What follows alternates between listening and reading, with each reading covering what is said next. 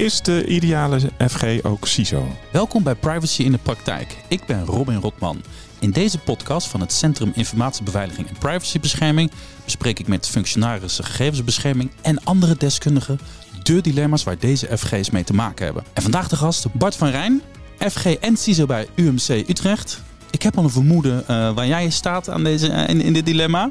Uh, aan de andere kant van de tafel Mabel de Vries. Jij wordt als externe FG ingevlogen bij verschillende organisaties. Welkom, we hebben elkaar eerder gesproken. Leuk. Um, Bart, de ideale FG is wat jou betreft dus ook CISO. Je hebt hem al opgelost, dit dilemma? Ja, ik heb hem allemaal opgelost uh, in onze organisatie. Maar ik kan me ook voorstellen dat dat niet overal kopieerbaar is. Uh, maar een van de eerste dingen die in de AVG-wetgeving staat uh, voor de taken van een F, FG... is dat hij ook de praktijk moet weten van de gegevensbescherming. Mm -hmm. dus naast wetgeving ook kennis moet hebben van de praktijk van gegevensbescherming. Ja, en dat is natuurlijk... en gaandeweg zien we ook dat er veel meer zien dat het overlapt. De gegevensbescherming van de CISO en de FG in hun veldwerk gaat steeds meer in elkaar over. En iedereen heeft ook steeds meer de neuzen dezelfde kant op in mm -hmm. een organisatie. Kun je even schetsen, want ik, ik, ik snap natuurlijk heus wel dat er bij een ziekenhuis, bij patiënten gaat over informatie, gaat over privacy. Kun je een beetje schetsen uh, waar jij naar zit te kijken in je dagelijks leven? Als ja, CISO slash FG. Ja, als, als, als dagelijks leven van een FG in een UMC, ja, Universitair Medisch Centrum zitten we heel veel uh, natuurlijk wel ook aan de zorgkant. Maar ik denk dat ik ook een heel groot deel bezig ben met de onderzoeksvraagstukken met patiëntgegevens, waar we natuurlijk heel veel onderzoek doen. Uh, maar ook zeker onderwijs. Uh, we moeten niet vergeten dat we vaak organisaties zijn van meer dan 10.000 medewerkers. Dus we zitten ook met heel veel uh, medewerkergegevens te praten. En het is een open gebouw, dus we moeten ook heel veel goed beveiligd worden. Dus we hebben ook veel contact met beveiliging. en uiteraard ja, heel veel patiënten die ook mij persoonlijk wel eens willen spreken om bepaalde zaken te, door te spreken. Ja, oké. Okay. Ja. Interessant. Leuk, ja. leuk werk. Mabel, heb je, jij wordt als FG aan de lopende band ingevlogen bij allerlei organisaties. Je moet een beetje ginniken erom, maar het is toch echt wel waar. Um, heb je, ben je ook wel eens CISO geweest tegelijkertijd? Ik ben nooit CISO geweest. Toen heette het nog niet CISO. En toen het CISO heette, daarna nooit tegelijkertijd met FG. Is het een, een functie die je wat jou betreft makkelijk kan combineren? Ik persoonlijk zou hem heel goed kunnen combineren. Omdat ik weet waar, de, waar voor mij de grens ligt. Dat ik uh, me daar zo lang bij voel. En waar het echt wel gaat brengen. Dus zou het wel kunnen, maar ik zou het niet ambiëren op dit moment. Waar ligt die grens? Als je als uh, CISO slash ISO uh, ook verantwoordelijk bent voor de keuze van de systemen waarmee je de vergevensverwerking uh, uitvoert. verantwoordelijk bent voor de toetsing ervan, de praktische praktijktoetsing ervan, budgetair verantwoordelijk bent voor een aantal van dat soort besluiten.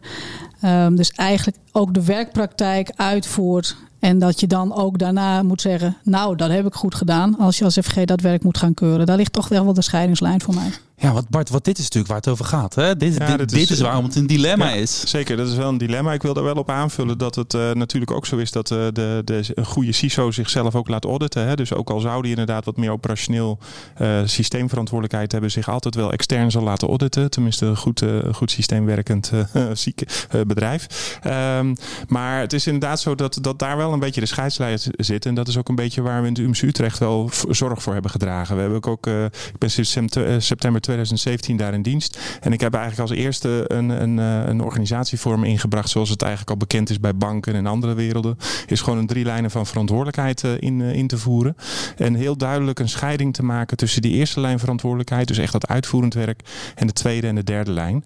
Waarbij we ook dus in een derde lijn ook nog eens een keer een interne auditbureau aan toe hebben gevoegd. Om ervoor te zorgen dat we toch ook dat systeem kunnen keuren. Maar kan ik dan zeggen dat je dan in feite gewoon het, een deel van de, van de werkzaamheden van de FG uitbesteedt? Ja, een deel uh, of een extra zekerheid. Het is maar net hoe je het, uh, hoe je het wil noemen. Hè? Want uh, het is zeker ook zo dat ik ook uitvoerend of hoe heet het, toezichthoudende taken gewoon zelf uitvoer. Maar het is wel heerlijk om af en toe gewoon, en ik denk ook dat iedere FG dat zou moeten willen, dat iemand anders ook gewoon af en toe even over je schouder heen kijkt van hé, hey, hoe zit het nou eigenlijk? ik zie jou instemmend knikken, Mabel. Ja, ja, maar dat is wat vaker gezegd is. Op het moment dat iemand weet hoe bedrijfsvoering in elkaar zit en hoe de processen lopen, wat heel veel mensen toch nog wel iets moeten bijleren. Daar gaat het heel vaak mis. En het klinkt mij als muziek in de oren als iemand dusdanig verstandig is en volwassen dat ze zeggen wij laten ons auditen. Dus door een objectief orgaan of de NEN of de ISO of een, een andere externe audit laten toevoegen. Uh, helaas, in de praktijk waar ik kom, uh, is dat dus niet zo. Dus dat spanningsveld van wij laten onszelf goed extern auditeren, is helaas uh, nog steeds een ondergeschoven kindje. Bart, kun je eens eventjes uit jouw praktijk een voorbeeld meenemen of een casus waaruit dus bleek van ja, hier, hier is het tricky. Hier moesten we echt wel even opletten dat we al die, al die verantwoordelijkheden en al die taken goed gesplitst hebben. Dat we goed even snapten wat we aan het doen waren. Want anders zit gewoon Bart zijn eigen, zijn eigen paraafjes onder zijn eigen werk te zetten de hele tijd. Ja, ik, ik ben dat dus niet zo heel erg tegengekomen. Doordat ik inderdaad eh, bij aanvang eerst ben begonnen met een goede verdeling te maken tussen eerste en tweede lijnsverantwoordelijkheid. Mm -hmm. uh, ik heb juist gemerkt in de, in, in de ziekenhuizen hebben het heel zwaar gehad de afgelopen tijd met de COVID. Uh, zeker in de eerste golf. dat het ontzettend handig was dat, dat ik als één persoon vaak aan tafel kon schuiven bij bestuurlijke beslissingen en dingen die moesten gebeuren om de zorg op afstand te organiseren. Om mensen thuis te laten werken opeens met z'n allen. dat dat heel erg erg eh, prettig was dat het toch van twee hoeken, privacy en security, toch goed meegekeken werd met al die uh, dingen die snel en onder uh, hoge druk moesten gebeuren. Maar dan is natuurlijk het risico dat je bepaalde processystemen invoert uh, onder druk. Het moet snel. Is dat niet juist? Hoe zorg je er dan voor? Hoe heb je ervoor gezorgd uh, dat, die, dat die kritische blik er wel was? Wat jij nee, was dus, ook dus, FG. Dus dat ik dus me daar dus niet mee bemoei, maar vooral altijd meekeek van welk proces wil je nou eigenlijk invoeren? Hoe wil je het gaan uitvoeren? Welke systemen ga je daarvoor gebruiken? En daar een, een, een advies over te geven van hoe je die dan het beste zou kunnen inrichten en gebruiken. Mabel, we hebben hier te maken met een, met een, met een UMC Utrecht. Dat is een grote ziekenhuis, een grote zorgorganisatie. Veel belangen, veel patiënten, veel medewerkers. Uh, IT-systemen, COVID. Echt allemaal situaties die nieuw zijn. Wat, wat denk jij dan? Die, die meneer die is uh, CISO en FG heeft natuurlijk een goed verhaal. Is dat dan, maar, maar toch, denk jij dan van oeh, dat is automatisch handig geregeld? Dan denk je van nou, hm, ja, misschien ik vind, is het wel handig om hand... te splitsen hier. Ik vind handig een, een, een, wat ongelukkig gekozen term. Want dat klinkt alsof hij bij de hand. Nou, misschien is hij dat wel. Maar dat hij, het, het, is, het, is een, het is een nuttige in deze situatie met zoveel druk op, op verschillende processen. Die echt niet stil mogen komen te liggen. Is het gewoon een hele nuttige combi. Uh, maar Bart is ook een persoon die zowel de kennis van de IT-systemen, processen, uh, maar ook de privacy-wetgeving goed kent. En dan is het ook wel toevertrouwd. Maar heel veel FG's ontberen de basale technische kennis. Ja, en daar word ik dan wel een beetje ongelukkig van. Want het is nou één keer heel vaak ingevlogen vanuit het juridisch kader. De AVG wordt heel vaak vanuit de juridische uh, invalshoek benaderd. Ja, en als je dan geen technische kennis hebt, dan moet je zeker geen dingen gaan combineren. Dus, dus die, die in de praktijk waar ik kom, wil ik ze scheiden om ervoor zorgen dat je geen single point of failure hebt. Want dat is de volgende. Oh, oké. Okay. Want uh, jij zegt eigenlijk, dus als je, je moet genoeg zelfvertrouwen hebben, je moet genoeg kennis hebben, je moet genoeg snappen hoe het spelletje gespeeld wordt en dan kun je die, die externe audit nog inbouwen. Maar in welke scenario zeg jij dan van nee, hier moet je ze echt scheiden? Nou ja, als de kennis van het een of het ander. Je hebt dus twee kennisgebieden, twee domeinen waar je zowel de inhoudelijke kennis moet hebben als de ervaringskennis moet hebben. Je moet het echt een paar keer in je hand hebben gehad. Misschien moet je zelfs een paar keer ongelooflijk fout hebben gemaakt om daar goed van te leren. Maar als een van de twee domeinen ondergeschikt is, dus niet op hetzelfde niveau is dat het hoogste wat je moet hebben. Ja, dan denk ik dat je, dat je een, een vergissing maakt door eh, alles onder één persoon te scharen. Want dan is het net, net niks. Wat is eigenlijk een single point of failure? Dat als je uh, te veel dingen op bij één persoon neerlegt en dat diegene dan wegvalt en dan is het klaar te afhankelijk van die ene persoon. Ja. Nou, nou, Ik kan gelukkig gewoon op vakantie. ik heb een systeem ingebracht die natuurlijk wel zorgt dat het uh, goed geborgd wordt. Maar ik begrijp wel wat je bedoelt. Je moet daar wel uh, borgingen in aanbrengen. Want ja. dat is dat denk ik wel heel lastig uh, als je dat, als, en zeker in zo'n COVID-tijd, als je zelf ook COVID hebt en wegvalt. Ja, dan heb je inderdaad gelijk niks. Nou, dan wil ik, ben ik gelijk wel benieuwd. Hoe heb jij jezelf dan misbaar kunnen maken? Hoe heb je dat geregeld, die borging? Doordat ik zowel een privacy officer als een security officer in de tweede lijn heb. bij de techniek twee ISO's heb neergezet die ook gewoon best wel ja, goed mee kunnen praten. In ieder geval aan de techniekkant. En ook al jarenlang kennis hebben hoe een ziekenhuis werkt. en ook ervoor gezorgd dat binnen de, de verschillende verantwoordelijke eenheden ook een ISO rondloopt. Die gewoon heel dicht bij het werkveld staat. En goed mee kan denken in, in zullen we zeggen, privacy en security kwesties tot op een bepaald niveau. Dus er komt er wel wat bij kijken als jij deze functies echt in één persoon wil verenigen. Ja. Dat gaat niet vanzelf. Nee, zeker niet. Nee, daar moet je echt wat voor neerzetten. Dan moet je ook echt wel uh, dat goed, een goed gesprek hebben met zowel raad van bestuur, zodat je die backing hebt en, en ook dat, dat draagvlak kan, kan krijgen en, en, en hebt. Maar ook dat je op het werkvloer gezien wordt uh, en ook graag gezien wordt. dat is heel belangrijk. moet graag gezien worden. Ja, ja, Oké, okay, uh, Mabel, heb jij iets aan toe te voegen? Je moet dus als je, als je het doet, moet je er goed over nadenken. Je moet in die tweede lijn en in die derde lijn moet je de juiste poppetjes zetten. En je moet ook nog eens een keer binnen de organisatie goed uh, regelen dat iedereen snapt dat het zo werkt. Uh, wat zijn nog meer dingen die je kan doen als je dan toch deze functie wilt verenigen? Nou, je moet echt gedegen kennis hebben van beide domeinen. En dat is schaars. Um, je moet bijblijven met de ontwikkelingen van beide domeinen. Van de AVG vindt iedereen dat heel vanzelfsprekend. En als je dan vraagt van nou, als je dat dan weegt van hoe vaak doe je dit en dat, dan, dan is dat heel vaak uit balans. Um, er is als eerder genoemd dat het een eenzaam vak is. Dus als je al in je eentje bent uh, en je hebt niet beide domeinen even goed uh, te bedienen, dan heb je een uitdaging. En of zorg dan dat je een team om je heen creëert met kennis van mensen die dat wel ook vertegenwoordigen. Nou ja, maar we hadden het, de, de eenzaamheid bestaat natuurlijk omdat de organisatie, het voor de organisatie ook nieuw is. En daar dus heel lastig al uit te leggen is waarom je een FG moet hebben. En als je dan ook nog moet uitleggen dat er een CISO moet zijn en dat het eigenlijk een andere persoon moet zijn.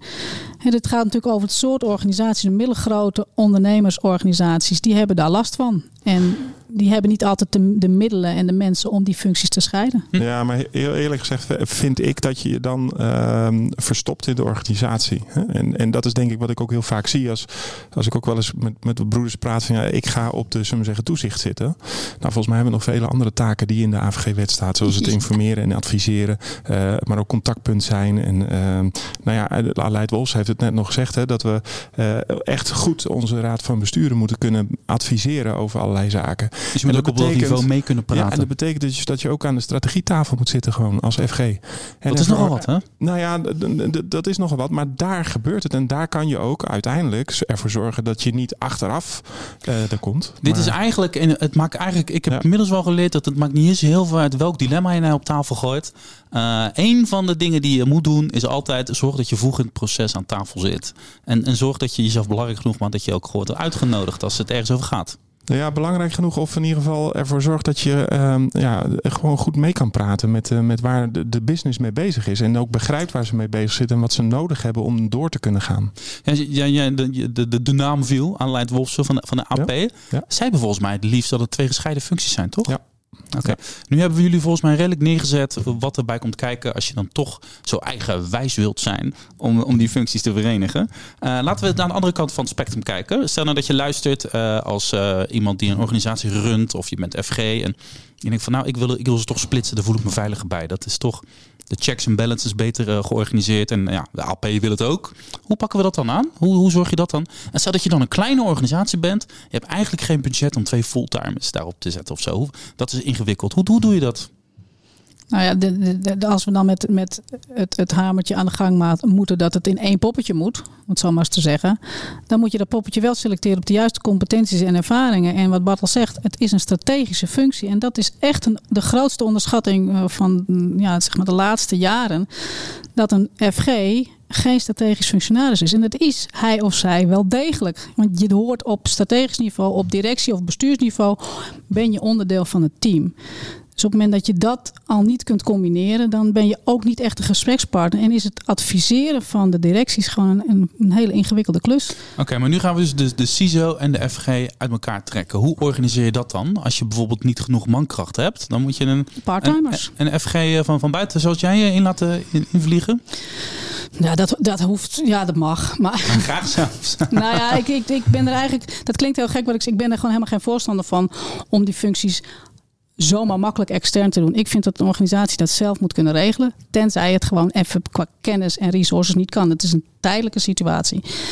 Uh, en als je het dan toch wilt combineren, dan zou je kijken welke werklast ligt er. Dus welke taken liggen er, welke bevoegdheden moet die persoon kunnen uh, uitvoeren. Um, wat voor kennisniveau hebben we nodig? En dan ga je kijken hoeveel, als er maar voor 16 uur werk is, dan moet je dus een parttimer aannemen. Of je leidt iemand vanuit je organisatie op en die maak je vrij om die 16 uur te, uh, uit te voeren. En Bijvoorbeeld een voormalig kinderverpleegkundige of zoiets. Nou ja, hij is al bezet, maar ja, in principe wel. Maar dat is wel, je ziet dat in, in, ik zit bij heel veel middelgrote zorgorganisaties en de mensen hebben een passie voor zorg en gaan ook aan als ze begrijpen waarom. Bart, ik, ik geloof dat jij je zaakjes goed voor elkaar hebt. Dat geloof ik meteen eigenlijk. Nou. Uh, nee, maar wat, wat, wat, wat zou jij uh, partijen, bedrijven, organisaties adviseren uh, als, ze dit, als, ze dit, als ze twijfels hebben? Dan dat je denkt van nou... Ja, wat, wat, wat ik denk ik zou doen is denk ik ervoor zorgen dat je in ieder geval een, één persoon hebt die uh, echt wel een goede strategische denker is en goed op, op, op het hoogste niveau mee kan denken. Wordt dat dan de CISO of de FG? Dat, dat, dat is op zich denk ik niet zo heel belangrijk. Nou. Want je moet vooral die kennis gaan organiseren. En dus uh, kan je ook prima uh, ervoor zorgen dat die, die stratege ook goed verbonden is met iemand uit de techniek. Uh, die een hele goede passie heeft voor security. en die combinatie zou best wel eens heel goed kunnen werken in kleine organisaties. Iemand die goed weet hoe die de, de gegevensbescherming in de organisatie ook goed kan organiseren. Maar ook het aan de man kan brengen. goed kan praten. En aan de andere kant iemand die er gewoon heel goed invulling aan kan geven. En goed vanuit een technische bril mee kan denken. En als je nou als organisatie allemaal je eigen CISO hebt en, uh, en je bent acht of vijf of vier zorgorganisaties en je deelt één FG met, met, met, met een paar organisaties, dat klinkt er ook niet zo heel onlogisch. Ja, ik, ik, nou. ik, dat, dat zou kunnen, hè? Dus, maar, ik, maar ik ben mezelf wel persoonlijk. Ik, je, je moet wel op een of andere manier verbonden zijn. En als het inderdaad echt gewoon exact dezelfde soort uh, organisaties zou dat best kunnen. Maar ik denk wel dat je echt een goede verbondenheid moet hebben met wat de waar de business mee bezig is. Hm. Dus als ik jullie eigenlijk zo hoor, zou de, uh, de AP af moeten van het standpunt dat, uh, dat er twee gescheiden functies moeten zijn. Ze moeten eigenlijk niet kijken hoe, of, het of het gescheiden functies zijn. Zouden moeten kijken hoe, hoe wordt die functie in. veel pragmatischer hebben we het goed geregeld als we er één functie van maken. Dat is eigenlijk het advies moeten zijn. Ja, dus het, het, grootste deel wat je samen doet is gegevensbescherming. organiseer dat samen. En dat wat ze maar zeggen buiten, echt, buiten die werkvelden vallen, want we hebben daar wel eens bolletjes voor gemaakt. Organiseer dat goed. Dat zou mijn advies zijn. Ja, vanuit het oogpunt waar Bart werkt, is dat eigenlijk de enige manier om het goed op te lossen. Uh, en ik denk dat de stelling vanuit de AP niet zo heel zwart-wit is dat die niet verenigbaar is. Want dat staat denk ik net even iets anders in dat uh, paper. Nee, want anders had Bart natuurlijk al lang een boete gekregen. Nee, maar uh, ik, wat ik wel merk is dat je als externe FG um, inderdaad, je moet verbonden zijn. En ik wil nog een stap verder gaan. Je moet voelen waar de buikpijnfactor van die specifieke zorgorganisatie vandaan komt. Als je een jeugdzorgorganisatie hebt of je hebt een, een ouderenzorgorganisatie. Het is allebei zorg. Het is allebei uh, de care kant, dus niet de cure kant, maar de care kant. Maar daar spelen hele andere dingen. Er zijn ook andere wetgevingen die uh, van toepassing zijn. Als je dat niet weet, ben je gewoon een slechte raadgever. Dus dat moet je weten. En die keuzes moet je echt met een open vizier maken. Dus eigenlijk is een belangrijk element in de keuze: ga ik, het, ga ik die functies verenigen of niet? Is een beetje jezelf kennis eigenlijk. Hoe, hoe goed ken je jezelf en geef. Ken je je beperking ook eigenlijk? Uh, ja, dat ook. Maar, maar ik denk ook wel dat, dat je de, de, de, gewoon inderdaad ook. Ja, nee, eigenlijk wel. Je moet gewoon weten waar je sterk in bent. En, en uh, nou ja, dat is eigenlijk met elke functie zo dat, dat, dat je gewoon moet organiseren wat je niet goed kan. En uh, wat je wel goed kan, moet je gewoon zelf goed neerzetten. Hm. Nou, volgens mij is hij wel helder zo. Je moet, ik uh, dank, dank jullie wel, Bart van Rijn en Mabel de Vries. Luister ook de andere afleveringen van Privacy in de Praktijk terug. Allemaal leuke onderwerpen, mooie dilemma's. Uh, ga je voor naar sip-overheid.nl slash uitgelicht.